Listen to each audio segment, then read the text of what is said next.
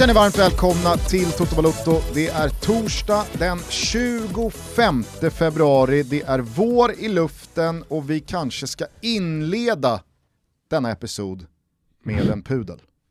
Ska vi göra det?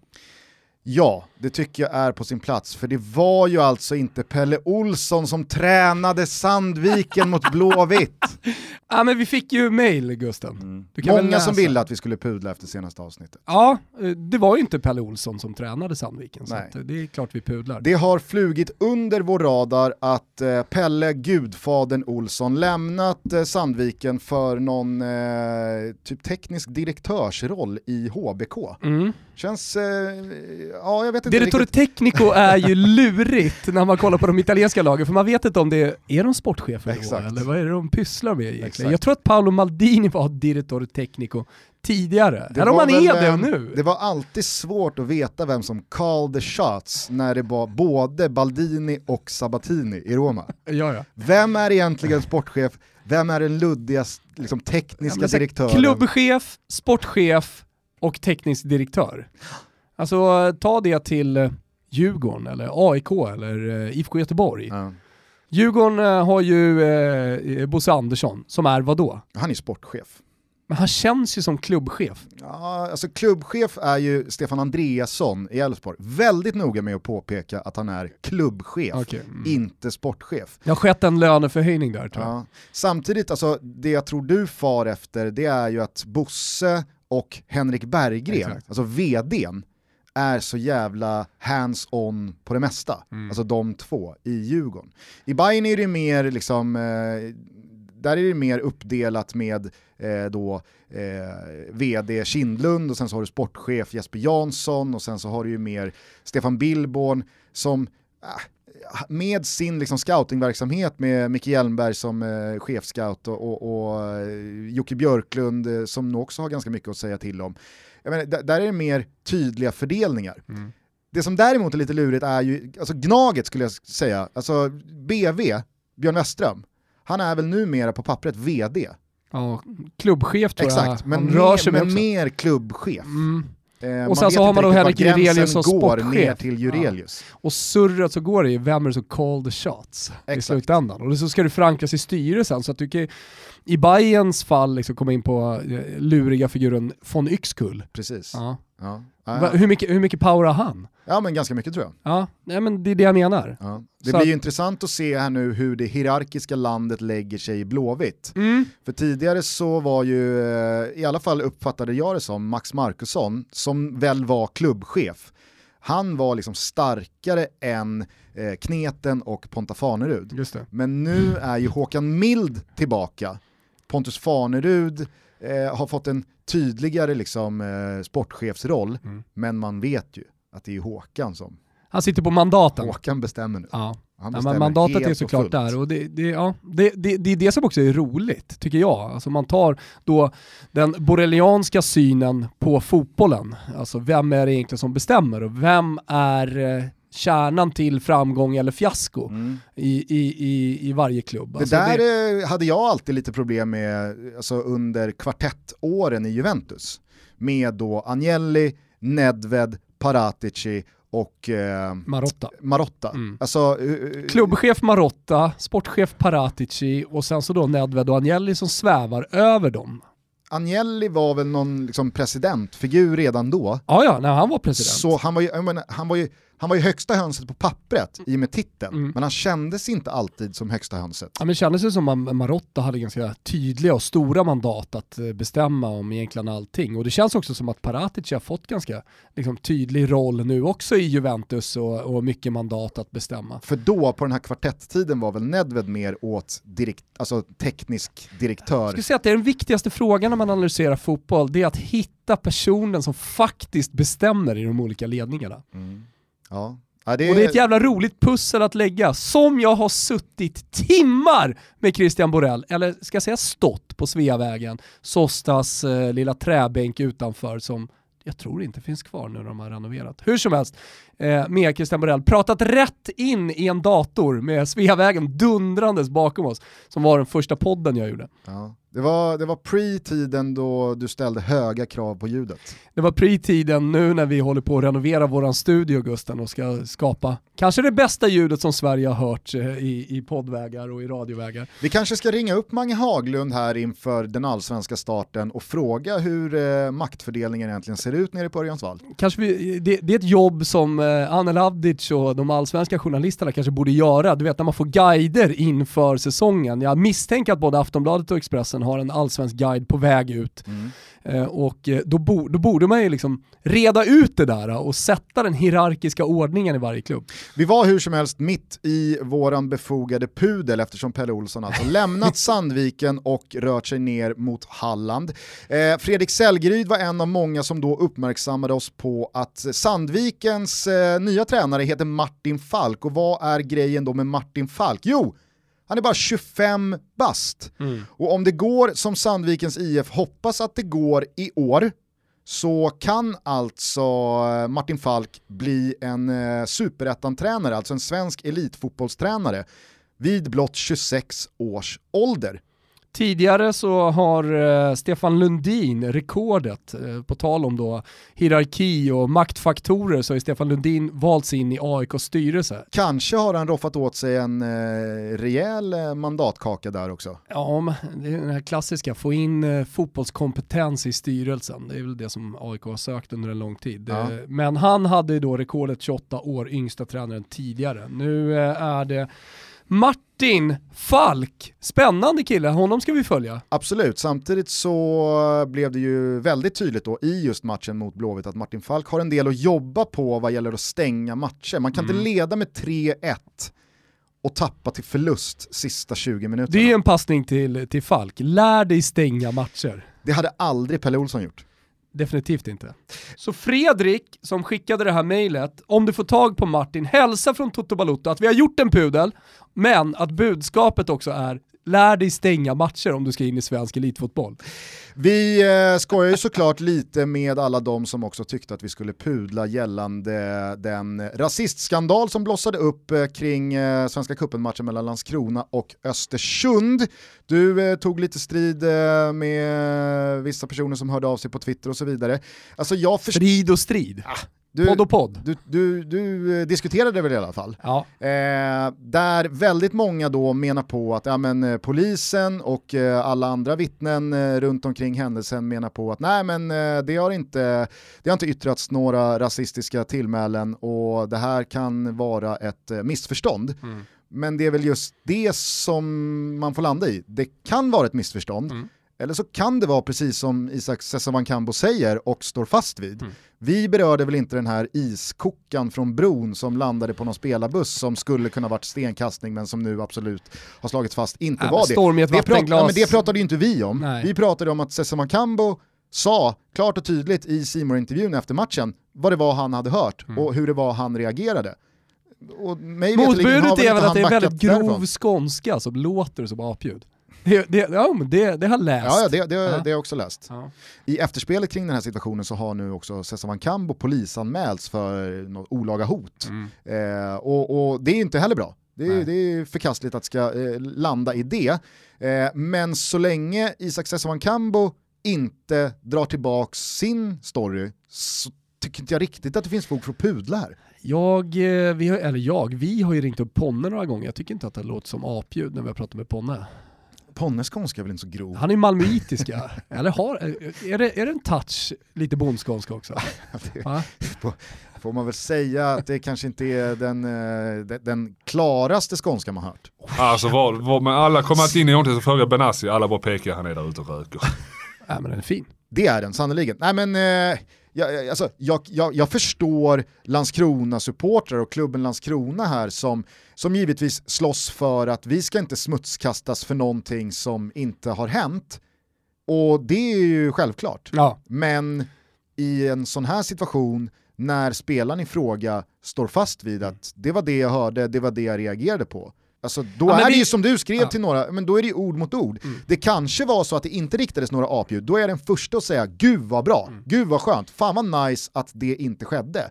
Men det finns ju inget bevis från det hållet som är så här pang, det hände inte, utan det är vad den parten i målet säger, den andra parten i målet säger det hände visst. Det är ord mot ord och så länge det inte är klarlagt så vill ju vi vara tydliga med att all form av rasism förtjänar en fet jävla gulasch från Ja. oss och kan dra åt helvete. Ja, ja, men det finns en liten eh, disclaimer såklart eh, på den gulaschen. Eh, men rasismen ska dö, det står vi fast vid. Verkligen. Mm. Och som jag sa, vi, vi blir ju lika glada som någon annan om det här bara var ett missförstånd och det inte har yttrats några apljud. Nej. Vi är denna vecka sponsrade av Lendo, Sveriges största jämförelsetjänst för privat och företagslån. Jag har en fråga till dig Thomas. Alltså. Om du ska köpa kanske på fredag eftermiddag någon god köttbit eller eh, havskräftor eller eh, jag vet inte, champagne. Ja, det är ganska vanligt. Och så står du eh, framför tre butiker som alla säljer dessa varor. Mm. Går du då in i eh, alla butiker och kollar vart du kan köpa det här till bäst pris? Eller går du bara in i en butik och så tänker du inte mer på det? Jag går nog bara in i en butik. Men jag hade gärna haft en gubbe som stod utanför och berättade för mig exakt hur det låg till, som Mm. gjorde jämförelsen åt mig. Jag är ju sån, jag tar gärna hjälp, eh, jag, jag blir gärna assisterad i mina beslut. Den gubben, den gumman, den personen är ju vad Lendo är för alla som går i lånetankar. Bort hos Lendo så görs en ansökan och jämförelsen tar bara någon minut att genomföra och man får ofta sitt svar tämligen omgående Gusten. Inom en minut eh, många gånger. Oj då. Det är tämligen omgående. En ansökan är kostnadsfri att göra, man kan ansöka och jämföra lån upp till 600 000 kronor. Ansökan är inte bindande. Ja men så är det och det ska påpekas också att det görs en kreditupplysning bort hos UC så det påverkar inte UCs score. Och sånt eh, som om man skulle liksom göra den här jämförelsen själv. Så går du i lånetankar, börja alltid på lendo.se. Toto Balutto lyfter på hatten eh, gentemot Lendo och säger stort tack för att ni är med och möjliggör Toto Balutto. Stort tack. Vi är som ni känner till stolt sponsrade av Pepsi. Och nu hörni, lanserar Pepsi Max A Bold New World of Fizz. Vad är nu detta? Jag läser på engelska från pressmeddelandet. Pepsi Max introduces a new global campaign that celebrates the culture with the pop and fizz of the irresistible cola and stars. The world's best across football and music including Leo Messi, Paul Pogba, Chenise van den Sanden and Jadon Sancho. Ni hör ju, det är en uppställning som eh, få kan stoltsera med. Eh, Leo Messi har också kommenterat detta. I'm excited to once again be a part of Pepsi Max football squad. This year has been so much fun to film. I know fans are going to love it. Paul Pogba är också där. It's great to be back again for another year with Pepsi Max. This year is even better than before with epic football skills and mad tunes. Och ni hör ju, det här vill man ju bara se. I can't wait for you all to see it. Detta kan man alltså se, for the love of it alltså är hashtaggen där ni kan kika in. Så kolla in den senaste filmen alltså som Pepsi Max har gjort med sitt otroliga stall av eh, stjärnor. Eh, vi säger stort tack till Pepsi Max för att, ja, inte bara ni levererar otrolig dryck, men eh, för att ni också ger oss lite glädje. Och som Messi och, och de sa, this is a bold new world of fizz. Eh, med det sagt då kanske vi ska ta tag i fotbollen som spelats under veckan. Jag har knackat ihop ett svep, vill du höra? Ja, om jag vill. Sen senast vi hörde så har Juventus tagit sin första av fyra raka ligasegrar. Sevilla har satt in foten mellan dörren och titelstriden i La Liga och Brentford har naturligtvis ruskat av sig minisvackan och återigen satt kurs mot the Premiership. Tänk turbulens i ett flygplan. Vissa bryter ihop, knyter händerna, kysser radband och börjar rabbla Gud fader vår. Andra beställer en GT och konstaterar att Tony och da Silva är i slag igen, att Saman Ghoddos börjar varva upp rejält och att lagkapten Jansson närmar sig comeback. Eller som Ponne själv uttryckte det nyligen i våran WhatsApp-konversation, snart är pappa tillbaka också. Men givetvis har även denna vecka kretsat kring och handlat om den andra vändan åttondelsfinaler av den finaste klubblagsturneringen av dem alla.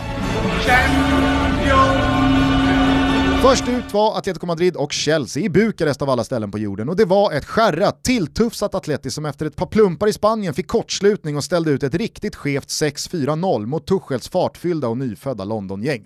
Visst borde Saul ha gått ner mot eh, Mondys slarviga ben redan efter en minut och fixat en straff, men det är som sagt något som är off med spanjorerna för dagen. Cyniska och passiva när det inte behövs, slapptänkta och slarviga när det bränner till. Nej du Cholo, det här duger inte. Duger gör dock Chelsea, som fått ett monumentalt lyft den senaste månaden. Mason Mount visade sig inte bara vara Frankies boy, utan den ständigt underskattade engelsmannen är bäst även under Tompa T. Försvaret är stabilt även utan Thiago Silva och till dess att man hittar en klockren lösning längst fram för en lång tid framöver är Olivier Giroud det perfekta tidsfördrivet. Cykeln var inte den renaste, men vad gör det? 1-0 på bortaplan och rejält slagläge Chelsea. Parallellt med denna tajta och ganska tillknäppta historia var det raka motsatsen i Rom. Det hade gjorts ett stort nummer av att Lazio var tillbaka i Champions League-slutspelet för första gången på 20 år och ja, det såg ut som att det var de gubbarna som dök upp mot Bayern. Musacchio, Acerbi och Patrick såg ut som Panker, och Paolo Negro och Beppe Favalli av idag. Bayern med skador på Pavard, Thomas Müller och Serge Gnabry startade med 17-årige Musiala som kreativt nav och den flintasteksälskande Nicke Syle på högerbacken men tillåts ändå se ut som världens bästa lag. Tyskarna skonade Lazio i den andra halvleken genom att inte gå ifrån till 6-7, kanske rent av 8-1 och det kanske var det största hånet av dem alla. Igår då? Jo, i Bergamo så fick Atalanta ett gyllene läge att sätta kniven i Real Madrid som kom till spel utan Sergio Ramos, Marcelo, Valverde, Benzema, Hazard och Carvajal.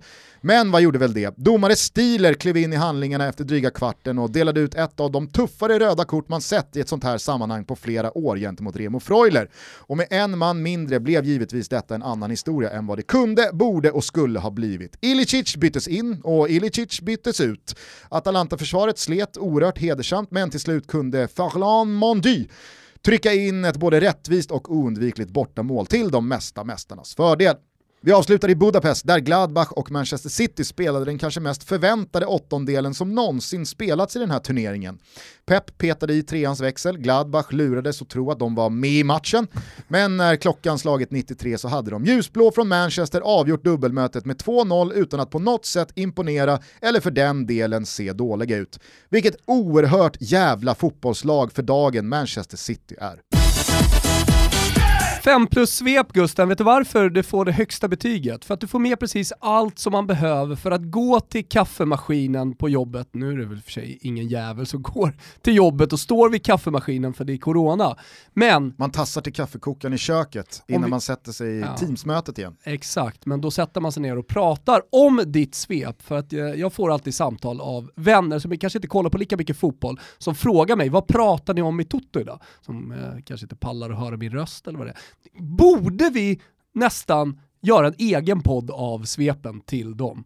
För det är det enda man behöver veta för att ha en åsikt och för att kunna liksom hävda sig i en diskussion om helgens fotboll, men nu då veckans fotboll. Helt perfekt. Det var åsikter, det var tydlighet och man vet precis vad som hände på planen. Och jag har fan ingenting att tillägga.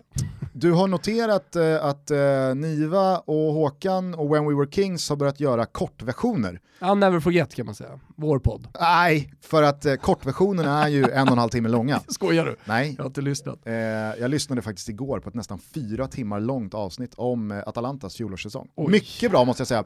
Ja. Eh, men det var ganska kul, och det är väl, det är väl supervast eh, gentemot eh, lyssnarskarorna att de dessutom då erbjuder en kortversion inom citationstecken eh, på en och en halv timme mm. eh, för att alla kanske inte har fyra timmar att lägga på ett avsnitt. Vi kanske ska göra något liknande då, att eh, från och med idag så börjar superproducent Kimpa Wirsén att klippa ut svepet och mm. lägga som en enskild tre minuter mm. i vårt RSS-flöde eh, som någon slags sveputto. Mm.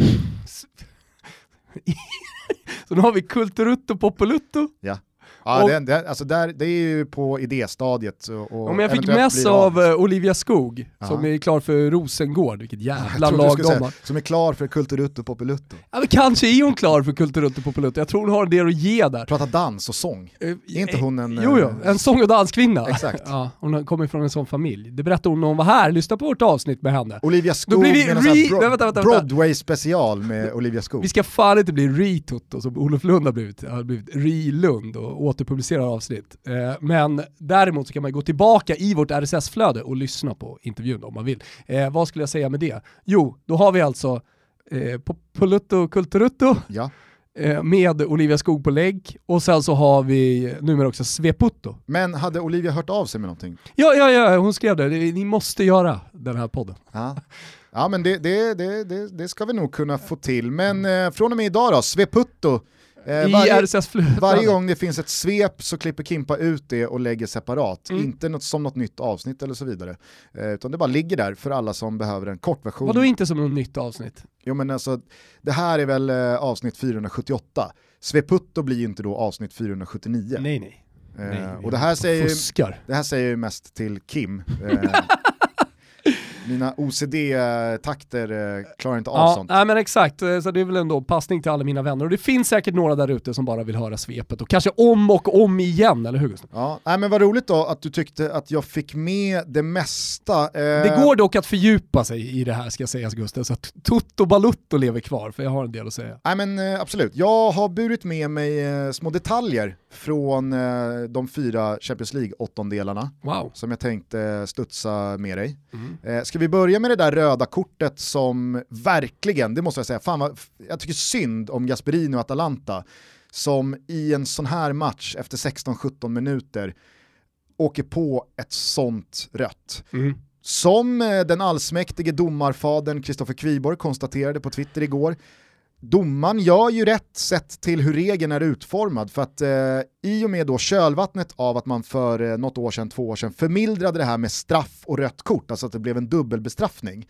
så ska ju det numera, om det inte är en tackling som motiverar det, vara straff och gult kort. Men sker en sån foul utanför straffområdet, ja, då finns ju inte straffen att dela ut. En frispark är fortfarande extremt svår att sätta, så då blir det rött kort. Det konstaterade ju Kviborg att ja, men domaren har inte gjort fel, sett i regelboken. Varummet behöver inte gå in och korrigera någonting för det är frispark dömt och då ska det vara rött kort. Men jag tyckte Gasperini sa en jävla bra grej eh, på presskonferensen efteråt. Mm. Han sa var domare och alla som på något sätt har ett finger med i spelet hur man utformar reglerna kring den här sporten måste förstå skillnaden Mm. på en duell och en tackling. Ja men eh, definitivt. Och det, det är väl problemet med fotbollen i, eh, och domarskaran eh, och egentligen också om man pratar om VAR, det är att du kan ju fortfarande tolka regelboken på olika sätt. Ja det har jag ju hävdat i alla år. Ja, det har ju du hävdat i alla år och, och det är väl det starkaste argumentet du har egentligen förutom att så, här, när börjar en situation, det tycker jag vi har rätt ut på något sätt. Eh, men, men det är fortfarande ett litet problem. Eh, ja, och jag förstår hans ilska. Han är inte bara arg mot domarkåren utan han, han eh, visar även sin ilska mot Ilicic. Du nämnde ju det i svepet. Eh, och, Det var kul, jag noterade både Tancredi och Siavush och en del andra när Ilicic stod och hoppade på sidlinjen. It's Ilicic time! ja, som att så här, nu jävlar. Konstaterade väl Sia också att Ilicic pulled off uh, 0 av 10 performance. Just det, han twittrar på engelska. Mm. Eh, nej men eh, Gasperini sa ju det också, eller, eller han kanske inte nämnde det på presskonferensen, men läppläsare eller ja numera mikrofoner bredvid planen har väl tagit upp ljud, eh, menar ju på att han liksom inte gör någonting rätt.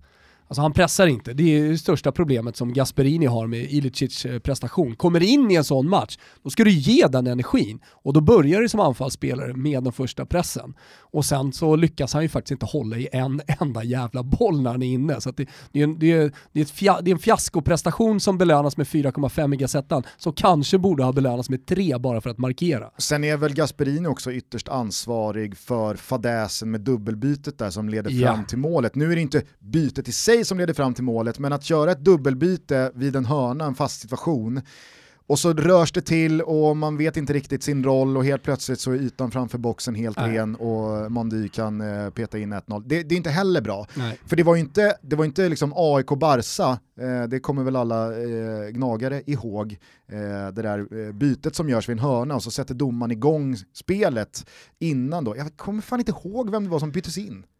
Som då skulle vara på plats och så blir det mål på den här hörnan, det som leder fram Just till det. att Stuart Baxter säger “this is the fucking Champions League”. Och... Nej, jag kommer inte heller på det. Alltså, det har varit sånt stort fokus på just domarna. Den här gången Alan med det här Sars. dubbelbytet så gick det ju inte att hänga stiler. Alltså det, var, det, det, det är ju Atalanta, Atalanta ska inte göra det där dubbelbytet i ett sånt skede, i synnerhet inte när man så väl har krigat med 10 mot 11 i, eh, ja, vad blir det, 65 minuter.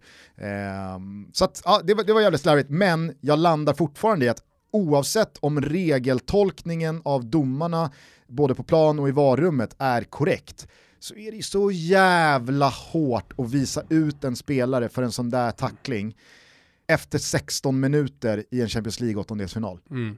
Nej, men jag, jag håller med, alltså det, det förstör ju, eller vad man ska säga, hela matchen och jag förstår ju definitivt ilskan. Jag har noterat eh, en spelare, noterade en spelare för några veckor sedan som fortsätter att imponera på mig och det här är en sån här spelare som jag tror kommer gå till en storklubb vad det lider, från Atalanta och som folk kommer liksom ja, men ställa sig frågan lite, vem fan är det? Är det Pessina? Och det är ett namn. Jajamän, Matteo Pessina som började sin eh, ungdomskarriär i Monza och som sen har gått via Milan och en del utlån, gjorde en jättebra säsong i Como 2016-2017. Jaha. Nej men framförallt så, det jag skulle komma till så gjorde han ju dundersessen utlånad från Atalanta till Hellas Verona förra säsongen. Bland sju mål. Alltså det är ju en mittfältare som jag tror, ja men eh, ska vi kalla det late bloomer med dagens mått mätt. Han är alltså född 1997. Han är purung fortfarande, men han är ändå 24 och då tänker man ja men då måste man ju leverera. Men han har levererat, han har levererat i ett Hellas Verona som överraskade och nu gör han det i Atalanta mot Real Madrid, alltså med det motståndet han har på mitten. Trots alla skador och så vidare så, så sticker han ju verkligen ut. Mm. Ja, alltså, och är, är det någonting man ska säga om det här skadeskjutna och vinklippta Real Madrid så är det ju att de Casemiro fortfarande där. de formerar ett mittfält med Kroos, Casemiro och Modric. Alltså det är ju lagdelen som fortfarande är dunderordinarie. Om man nu inte vill peta in Fede Valverde på något sätt i det där, men det är väl klart att de tre spelar ju från start i eh, Champions League. Ja, nej men exakt. Eh, Nej, men, Matteo Pessina känns som ett eh, namn som man kanske inte så lätt lägger på min. Låter inte som någon stjärna, Nej. men som jag ändå tror kan hamna i en stor klubb i sommar. Hade han varit engelsman hade han väl snickrat i detta nu på andra självbiografin. Eh, förmodligen. för att ringa in hur gammal han egentligen är i denna moderna fotbollsvärld. Nej, men eh, ja, jag, jag, måste, jag måste landa i känslan av att jag tyckte synd om Atalanta, men jag imponeras samtidigt av Zidane, av Real Madrid, som med alla de här skadorna åker till en sån här tuff match och ändå gör jobbet. För att det är inte så att Real på något sätt darrar på manschetten. Visst, de eh, behövde 80 minuter på sig för att peta in den här första bollen och hade det slutat 0-0 ja då är det klart att det, det, är inte, det är inte godkänt av Real Madrid att spela en man mer mot Atalanta i 75 minuter och inte göra mål.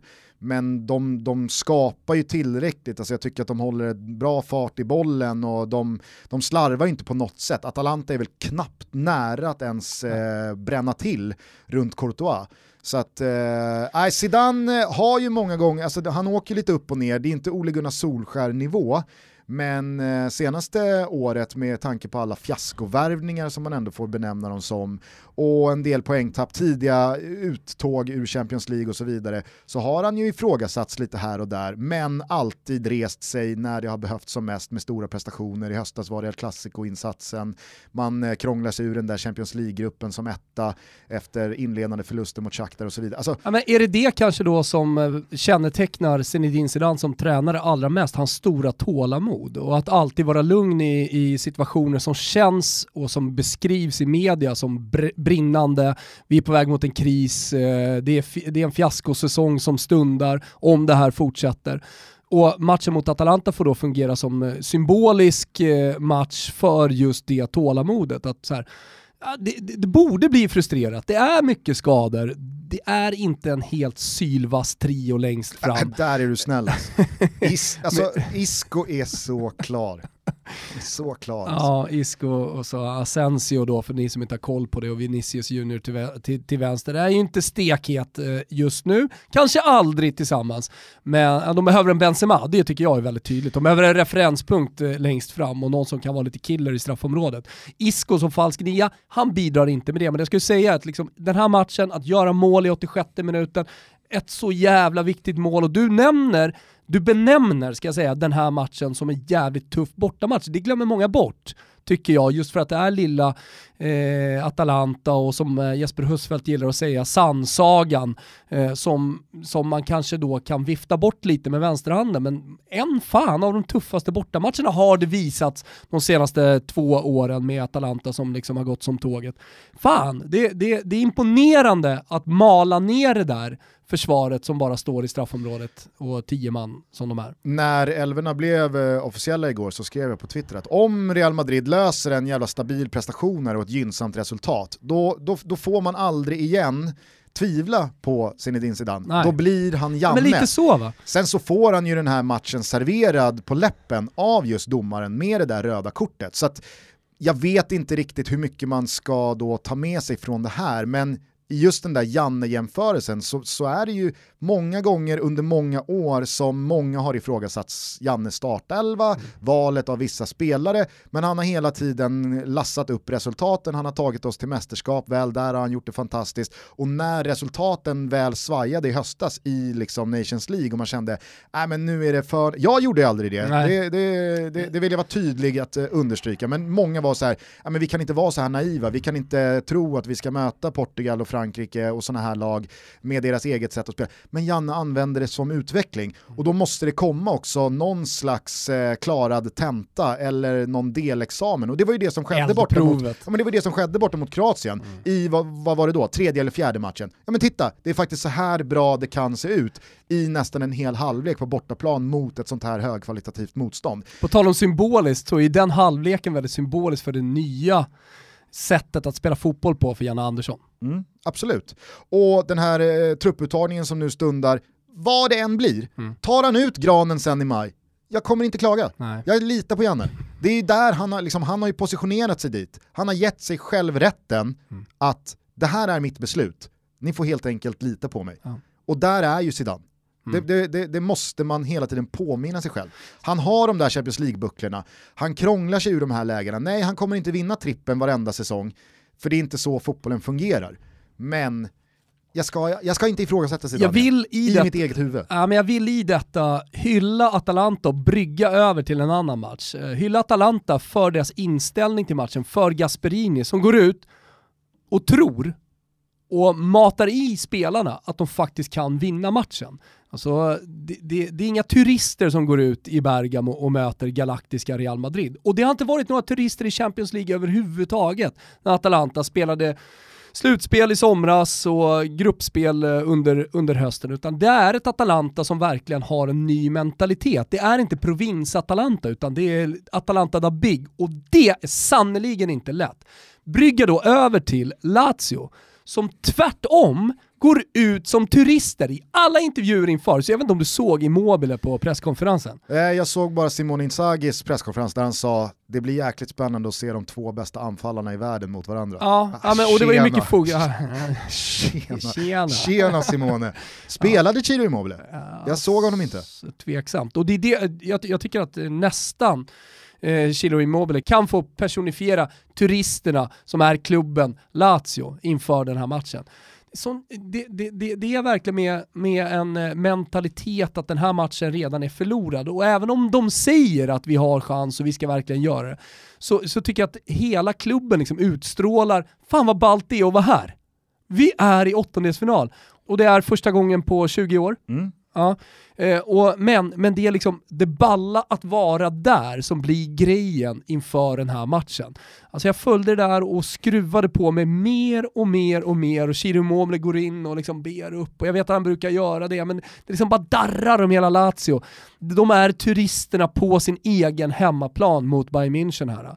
Och det kan, vi, det kan vi räkna oss fram till, du och jag och alla fotbollsälskare runt om i världen och kolla på omsättning och liksom vilka stora stygga Bayern München egentligen är i, i förhållande till liksom vad lilla Lazio då i sammanhanget är.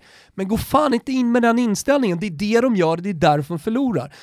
Atalanta, de går in i matchen och tror att de kan vinna de känner liksom Gasperinis ord, de tar till sig hans ord och hans ledarskap och så vidare. Jag vet inte vad Simone Inzaghi har sagt, men, men det, det, det är turister som spelar på Stadio Olimpico och det gör ont i mig. Ja, nej, det var ju en eh, smärtsam match att följa misstänker jag eh, för alla Lazio-supportrar. Vadå, hur menar du? Nej, men alltså, jag, tyckte, jag tyckte att Cherby gör en gest efter typ eh, kvart 20 minuter. Eh, då har väl redan första målet fallit, kanske andra, jag kommer inte ihåg. Men då, då liksom, han är så Mosakio som frispelar första. Ja men alltså, på tal om Ilicic usla inhopp, vad fick Mosakio i uh, Gazettan dagen efter? Jag vet fan alltså, men det, det kan inte ha varit högre än 4,5 Du kanske kan uh, ta fram det. Uh, för det jag skulle komma till var då Acerbis uh, gest han gör mot sina lagkamrater.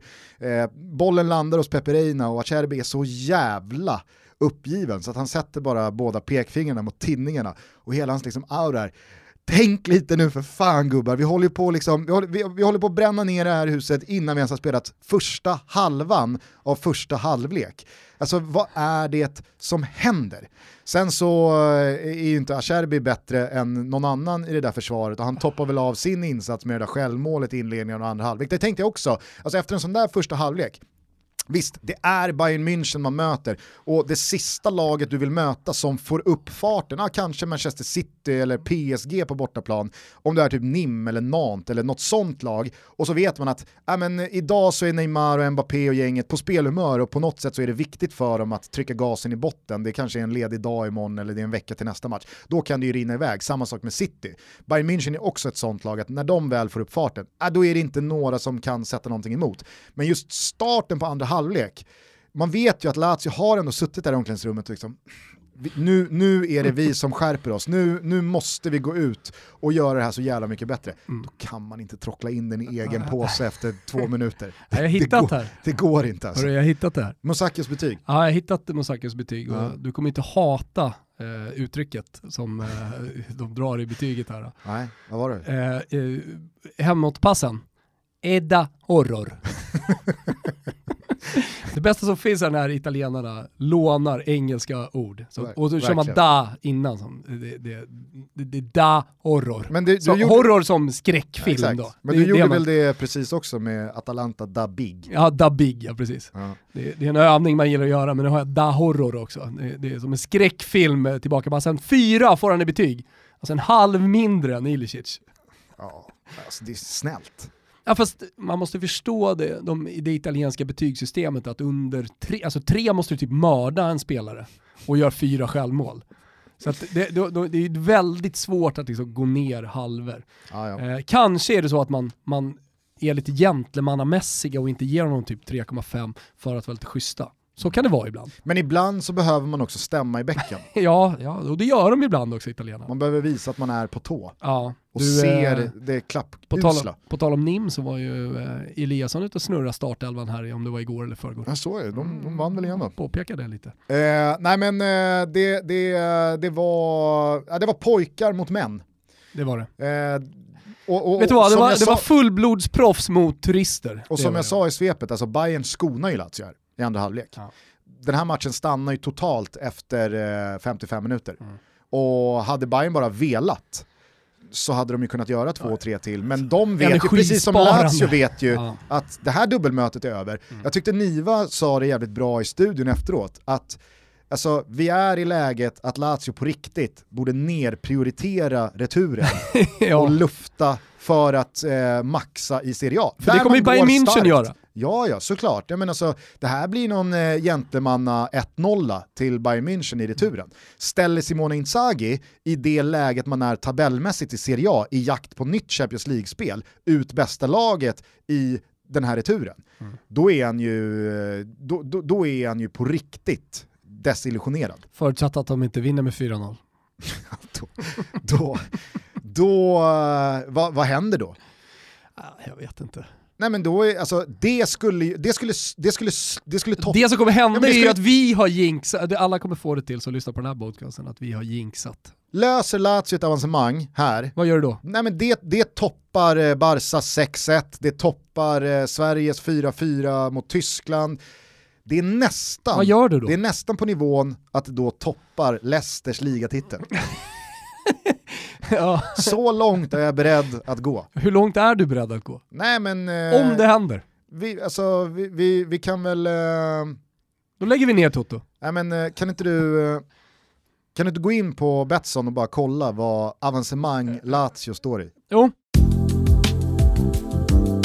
Ja, kvalificeringsmetod finns det här eh, och då har du hemmalaget i förlängningen så att säga, om Lazio vinner med 4-1 så går Bayern München ändå vidare 38 gånger pengarna.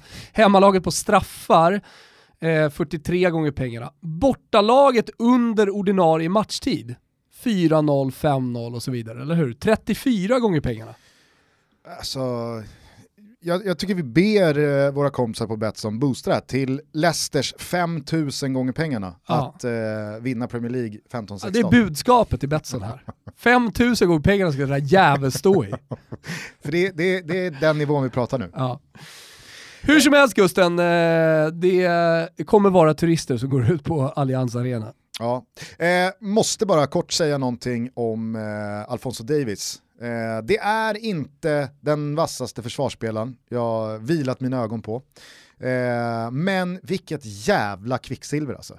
Han är så otroligt snabb i fötterna. Mm. Att, jag vet inte, han känns eh, som eh, Andy Robertson fast eh, halare. Som ännu mer liksom, jag gör vad jag vill. Var det någon speciell situation du tänkte på? Nej men jag har sett, jag har sett Bayern här nu sen klubblags-VM Mm. och framåt. Och han är, jag, tycker att han är så jävla överlägsen sina motståndare i en mot en. Mm. Sen är han inte liksom eh, klockren i besluten han sen tar eller passningarna han sätter Det in. får ju och- komma med erfarenheten. Ja, men han, han står ju inte på 10 assist de här matcherna. Men när han tar bollen och hittar en en mot en situation, han är så jävla rapp så att det är helt otroligt. Ja, Då har han ju dessutom två stycken ganska snabba, rappa killar framför sig också med Kingsley Coman och, och Sané. Ena målet föds väl av, är det, är det Coman som totalt lurar upp eh, vem det nu är i Lazio? Någon av turisterna. Jag tror att det är, är det Marusic? Eller är det Ah, Patrik? Jag tror, ja, Pa- Patrik, alltså, han får också fyra för övrigt i, i betyg. Herregud. Alltså Cherby, jag kände väl bara liksom, nej det, det här, Visst, visst, såg det ut, visst såg det ut lite som att Peperina tänkte när han hämtade bollen ur målet tredje eller fjärde gången? Borde ha lagt av. Ja. Borde Vad lagt fin han är Peperina annars. Ja. Alltså om man har följt Lazio. Fan det är en spelare som ska hyllas. Underskattat också med målvakter helsvart. Ja. Så jävla få målvakter som kör helsvart numera. Mm. Fler borde köra helt svart. Du Gustav, jag har en schnitzel. Jaså? Vi får in den eller? Ja. Ska vi vänta med Jag har också en liten minischnitzel. Är det sant? Ja, men Ja. ta din först då, så går vi från en mini till en stor. Okej, såg du eh, Gladbach Citys eh, absoluta slutskede igår? Nej? Då söker ju eh, Jonas Hoffman i Gladbach eh, en straff. Han gör, Ja, ja, han gör ja, allt. såg jag sen. Alltså, Gladbach är ju liksom inte nära. Det är, så, det är som jag sa i, svepet. Nej, men det, det var alltså, precis som man förväntade sig den där matchen igår. Mm. Exakt så blev den. Ja, men jag håller med dig, det var jättebra beskrivet. Det var aldrig liksom 5-6-0, Nej. det var aldrig 1-1. Nej. Och just det här med att de luras tro att de är med i matchen. Ja. För att City inte då skapar chans på chans eller tyskt energiskt bara liksom trycker på. Sen är det ju absolut Kontrollerad någon här, seger. eh, det är någon cirkusklack som är strax Ja, ja. utanför stolpen och det är något jätteläge i den sista sekunden. Alltså, visst, men ni förstår andemeningen. Hur som helst, Jonas Hoffman, han bryter sig in då från vänsterkanten i slutet av matchen och söker en straff. Det är absolut inte straff, det är knappt frispark om det hade skett liksom, eh, ute på mittplan. Eh, det, är bara, det, det är ett bra försvarsspel och eh, ja, Hoffman drar en rövarrätt. Nu, nu söker jag straffen här. Okej, han blåser inte direkt men jag ligger kvar. Eh, för att kanske få det dem då att kolla den här situationen lite extra och kanske, kanske kan de hitta någonting. Men det Jonas Hoffman då gör, för att först så tar han sig mot ansiktet för att där får han någon liksom axel eller armbåge eller vad det nu är. Men det, det är där någon smäll Har du sker. sett för övrigt att det har ökat, eh, eller det har eskalerat det här med att eh, ta sig på huvudet och kolla på handen? Vi pratade om det för något år sedan. Ja. Och, Som att, så- är det så- blodvite? Ja, är det blodvite så kollar man liksom på smällarna i, Aldrig i blodvite. repris. Ja, men för det första är det aldrig blodvite. Är det blodvite då, då, då kommer du veta. Och då ligger de ju kvar. Ja, ja. För att det är en sån Då jävla kyss de har riktigt. fått. Ja precis, då är det ont på Då behöver du riktigt. inte kolla om det är blod. Men det gnuggas och letas efter det där blodet. Herregud som det gnuggas och letas efter blod. Ja. Hoffman i alla fall, han då tar sig för ansiktet, aj aj aj vad ont jag har, ni måste kolla på det här. Nej, det verkar inte ske någonting. Så spelet går vidare men till slut så det är väl eh, Bernardo Silva tror jag som slår ut bollen. Och eh, då har Hoffman börjat ta sig mot knät och så kollar man reprisen, det finns, ingen, liksom, det finns ingen smäll mot knät, det finns ingen, Ingen vridningsmoment, det nej. finns inget, inget skede där knät ser ut att på något sätt sättas under något slags eh, jobbigt tryck. Eller något. Här har ingenting hänt, men han tar sig mot knät, läkarna kommer in, ja, då vet ju Hoffman, nu måste jag löpa liksom rövarlinan ut, för nu, nu, har jag liksom, nu har jag investerat så mycket bluff i det här straffförsöket att jag kan inte skaka av med det här och spela de sista tio minuterna eller vad det återstod.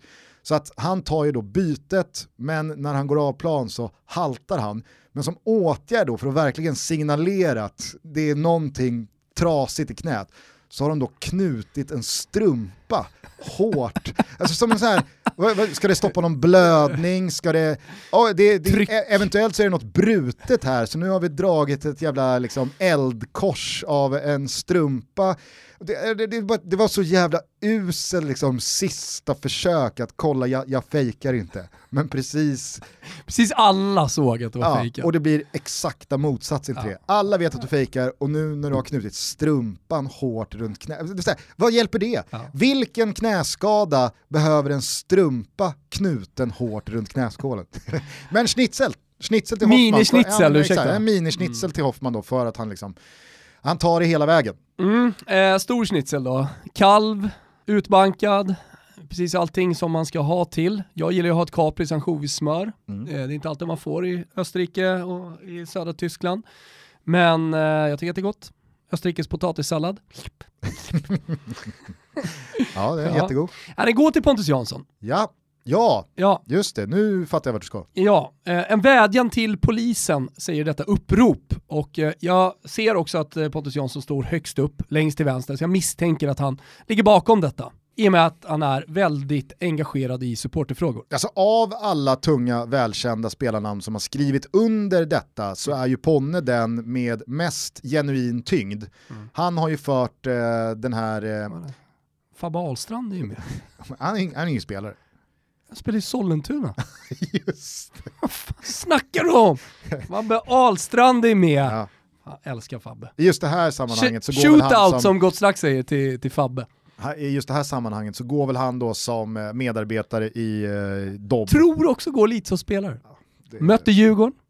Fabian Ahlstrand är, eh, alltså jobbar på Dobb. Precis. Gör bland annat 08 Stockholm och hjälper till i bakgrunden i andra program. Quizar 08, Veta. 08 fotboll. Ja, vad sa jag då? 08 Stockholm. Ja, det gör jag. Det är det jag har sagt hela tiden. Eh, ja, eh, Pontus Jansson. Eh, han skriver, vi är alla eniga, svensk fotboll behöver stämningen. Utan den är det ej samma sak. Därför borde alla parter göra allt i sin makt för att via dialoger måna om den. Klubbar, polis, spelare, fans. Tillsammans kan vi göra skillnad. Att bestraffa är i rätt väg att gå. Låt oss alla som älskar svensk fotboll få fortsätta älska den på det viset vi alltid fått göra. Min kärlek till Malmö kom inte av sig själv. Den kom via en ståplatsläktare. Låt alla ungdomar och barn få uppleva samma sak. I den tid vi är i nu vill man ha saker att längta till. Den största längtan många har är en läktare. Med gemenskap, ta inte den ifrån oss. Ja precis, hela det här eh, budskapet är ju då en uppmaning till poliserna att eh, i förlängningen skrota villkorstrappan men framförallt sätta sig ner för att öppna en dialog igen och, Ja. och med lite jävla rim och reson ta det framåt. Mm. Eh, får man dock eh, på detta ämne dela ut en liten minigulasch? Vart fan ska du nu? Jag blir nästan lite rädd här Gustav. Nej, men alltså, den ADn som har satt ihop den där bilden, det, det, det gör liksom ont i mitt, det gör ont i ögonen.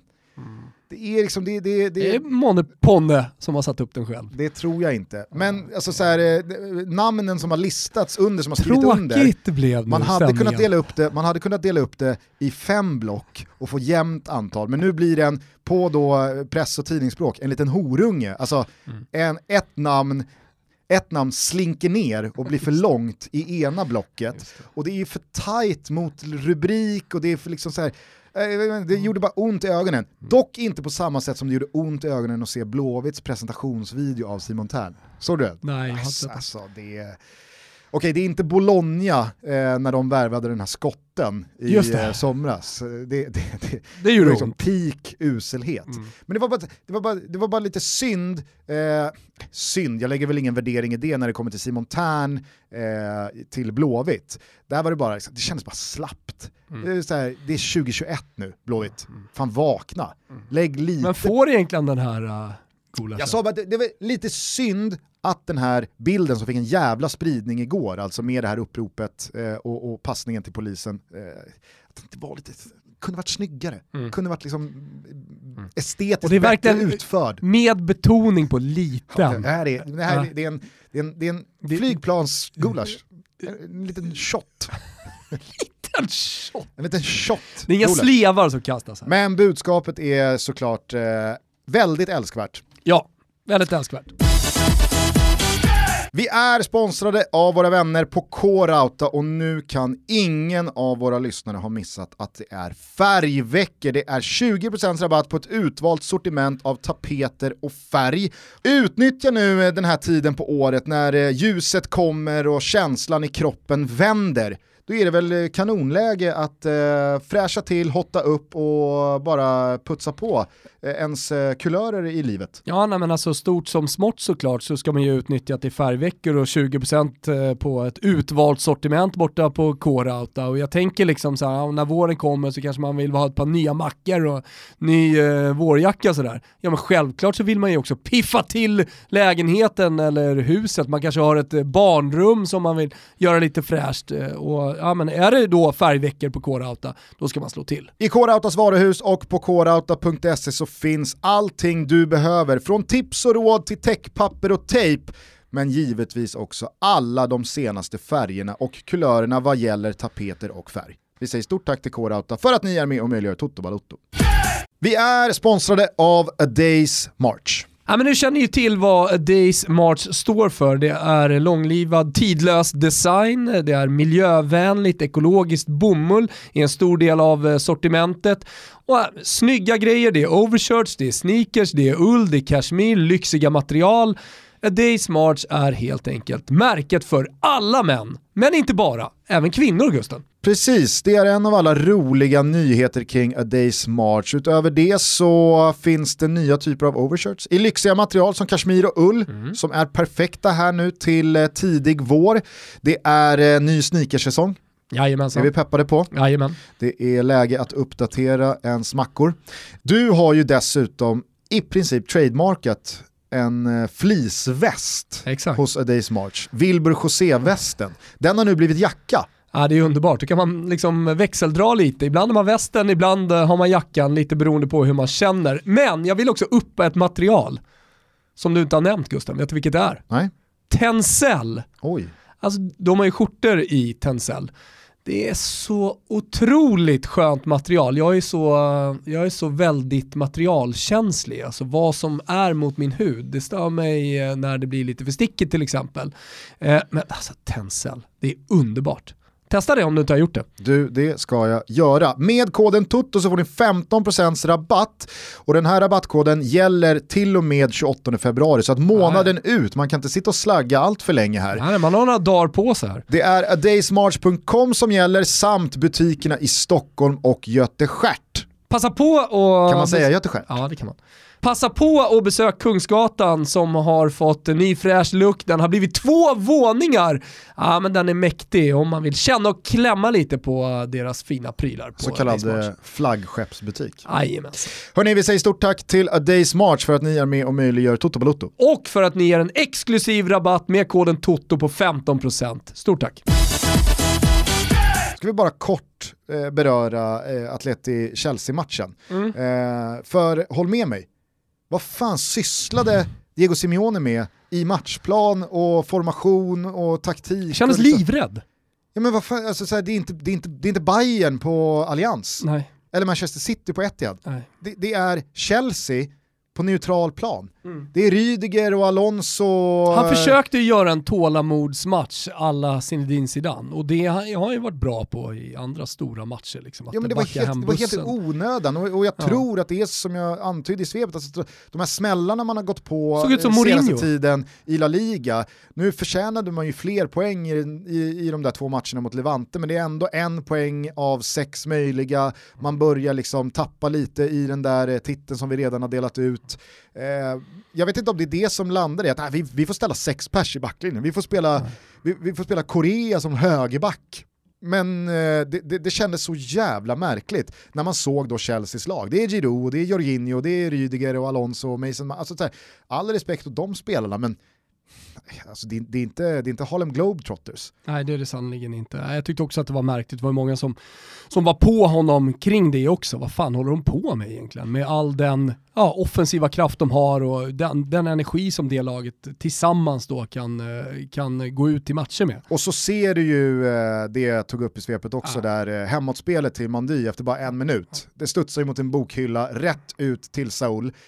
Han måste, han måste vara så närvarande i sinnet att han fattar, jag kan inte vrida den här bollen eh, 90 grader och få den i mål på ett, utan jag måste ta med den. Och då är ju situationen borta, alltså då är målet borta. Exakt. Ta benet bara. Ta benet, ta straffen, du har 1-0, en- sen kan du ställa sex pers runt i, i, i backlinjen. Men det, det var också så här, vad fan det är, det är Saul i Diego Simeones Atletico Madrid. Ska, ska, ska, jag liksom, ska jag behöva skrika rakt ut att du ska lägga dig Ja här? det behöver Nej, Hörru, Förvånande alltså. Om du blickar lite framåt, du behöver inte ta fram kristallkulan, men känns det inte ganska klart på i stort sett alla håll? Alltså du har City som eh, har borta, vad man nu ska kalla det för, de har slagit eh, Borussia Mönchengladbach på en så kallad bortaplan. Ja. Eh, du har Bayerns 4-1, eh, du har Liverpools 2-0, du har eh, Barcelona, PSG, den är ju stenklar känns det som. Eh, du har eh, Atalanta, Real Madrid, ja de ska ju tillbaka till, eh, till Madrid och liksom, ja, göra, göra slarvsylta ska de inte göra, de ska ha tålamod och vinna ganska enkelt. Eh, och sen då, ja du har Juventus och du har ja, Sevilla Dortmund lite grann kanske. Nej men eh, visst känns eh, Juventus Porto fortfarande Atletico Madrid vidöppen. är väl lite öppen också. Eller? Ja, ja, alltså det, ja men det det är klart, de, alltså, de, andra matcherna känns ju helt klara. Resultatmässigt så är den ju mega öppen såklart, men eh, de, de intrycken man bar med sig från första matchen Ja. så, så känns det ju verkligen som att eh, Chelsea har ena benet i, i kvartsfinalen. Men visst, eh, och sen så har jag ju sett Dortmund många gånger den här säsongen slarva och dyka Otroligt upp, viktigt eh, mål. som 3-2 di- alltså. Som Luke de Jong gjorde, Mm. ja. Eh, verkligen. Hur mycket gillar du Luke de Jong? Late bloomad eh, nia som eh, börjar ta Europa med storm efter att ha gjort det i lilla, Börjar lilla ta- Holland tidigare. Försökte i Premier League, som så många andra Just holländare.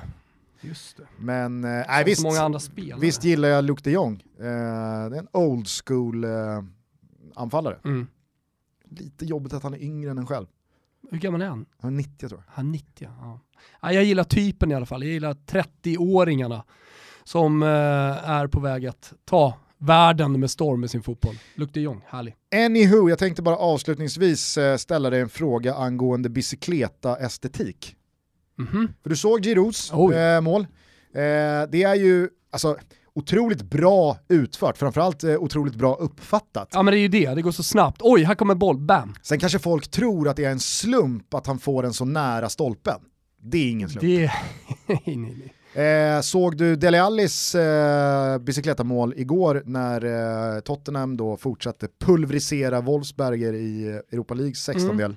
Denna lilla märkliga Europa League-match som eh, tjuvstartade Europa League-omgången, Precis. som annars går ikväll. Eh, ja exakt, nej men eh, det, det är ju, just när det kommer till bicicletas eller cykelsparkar, va- vad är du, vad, vad tycker du är viktigt där?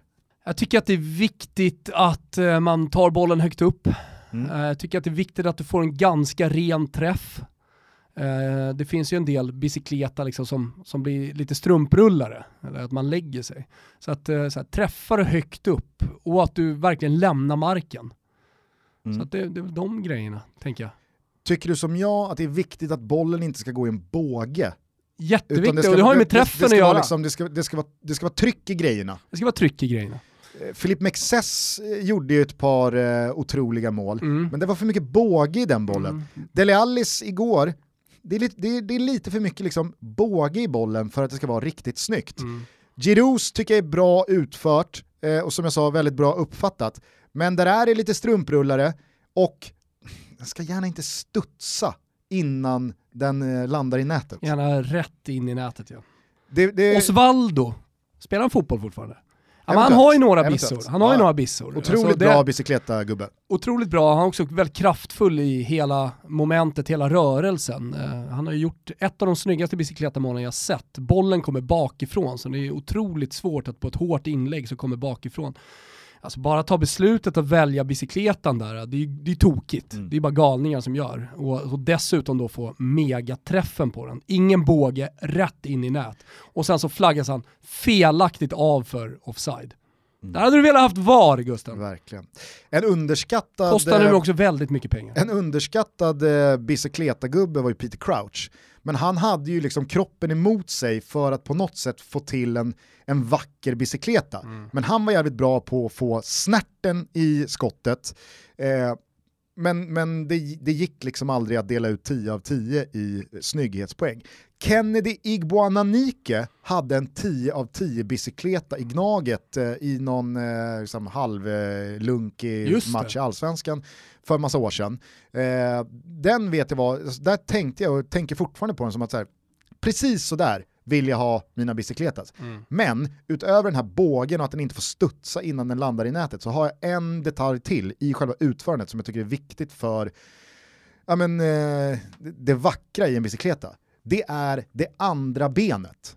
Just det. Som är, alltså, i, det blir ju inget, det cyklas, det eller? blir inget stödjeben då. Nej. Nej, men för många låter det benet bara hänga. Mm. Det måste, som du är inne på, det måste finnas en, en cykel i det, att även det benet trampar på en pedal. Mm. Och det måste vara styrsel och koll på det benet också för att det tekniskt sett ska vara perfekt utfört. Mm. Ett så här bicykletamål som jag kan, lite motvilligt nu i podden Gusten, eh, då avskriva från ett av de snyggaste. Mm. Det är ju Mauro Bressans i Champions League mot Barcelona. Kommer du ihåg det?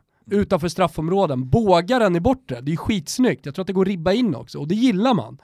Eh, och det är, det är en duell mellan Heinrich, och Heinrich eller, och Rivaldo som leder fram. Och sen så längst, längst fram där finns ju, ja, det är Chiesa som börjar, Enrico Chiesa som börjar liksom anfallet. att- studsar att ut på Ronald de Boer. Inte Federico. St- st- Studsar ut på Ronald, var han född då? Tveksamt. Ja, han var precis född tror jag. Eh, men hur som helst, det kommer ut Balbo i Fiorentina spelar då. Oj. Ja, vilka lirare. Ge mig tillbaks 90-talet Men det är en båge och det är mitt problem. Men det är också utanför straffområdet. Så att det, det, det är liksom svårt att sätta bicykletar därifrån. Det var någon eh, lyssnare som påminde mig om eh, Sebastian eh, Allers eh, bicykleta för West Ham bara för några Mm. månader sedan mot eh, Crystal Palace. Det är, alltså, det, det finns inga fel i den eh, bicykletan. Nej. Kanske att den är lite nära. Vad tycker du om Mats Rubarts då? Nej men det, det är ju, det, alltså estetiskt, orkar den upp i två av fem? För det går att säga s- det är hårt inlägg Det är ju bra såg det uppfattat. live. Det, är- det är otroligt bra uppfattat och att få den i mål, det, är- det är liksom otroligt. Men det finns ju ingenting i det utförandet som är liksom teknisk perfektion. Nej, det, det är ju Mats Rubart som gör det också.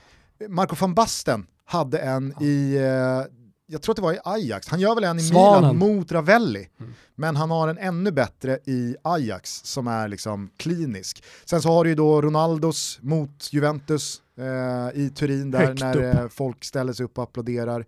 Rivaldo har väl en klassiker också mot Deportivo La Coruña. Tar, eh, ja men då tar han ju emot den med bröstet först. det är inte fel. Nej, det är faktiskt Det, det, pluspoäng. det, det, det kan eh, ibland bara tillföra saker och ting. Inte ligatitelvinnande. Nej, Champions League-plats säkrande. Men där har du en detalj som är jävligt viktig för estetiken. Zlatan har varit ganska dålig på att få upp bollen tillräckligt högt när han har tagit emot den. Zlatan har många sådana här omvända kullerbytter bicicletas. Mm. Han har ju några i Milan, för det är ju då, om vi tar Rivaldos bicykleta som exempel, det, det, det svåra där, det är ju att få upp bollen från bröstet så pass högt upp. Ja, det är fullständigt galet att ta det beslutet också. Ja, vänta, här ska jag brösta upp den. Det går ju på millisekund såklart. Det är ju det är ju spontant. Precis, men alltså, det gör hela målet, att han får upp bollen Ja. tillräckligt högt. För då kan han skjuta fart från marken upp i luften och då bygga energin och kraften som det blir tryck i, i, bollen.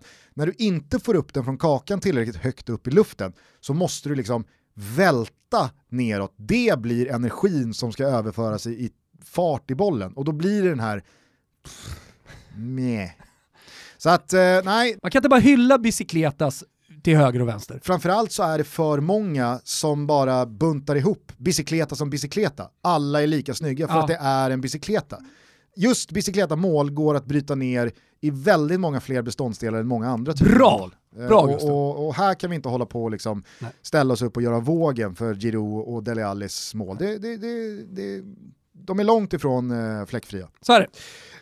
Eh, vi ska runda av denna vecka. Eh, vi hörs igen på Tisdag. Precis, eh, det är nämligen så att Real Madrid möter Real Sociedad på måndag kväll och den matchen vill vi inte lämna i eh, något eh, slags eh, limboland. Nej, vi vill få med den och ibland gör vi så. Så att eh, ni får helt enkelt stå ut, vänta till på tisdag. Men hetare än någonsin är vi då, det kan vi lova. Häng med på söndag klockan åtta, då öppnar Fotbollssöndag Europa, studion igen. Vi har fokus på Roma mot Milan, men parallellt så är det ju högintressant match i Spanien mellan Villarreal och Atletico Madrid som eh, eventuellt då hoppar upp på kusen igen eller fortsätter darra och ställer tio man runt eget straffområde. Livrädda för att den här säsongen ska glida dem ur händerna. Och så har vi Svenska Cupen också i helgen på Simor. Så är det. Mm.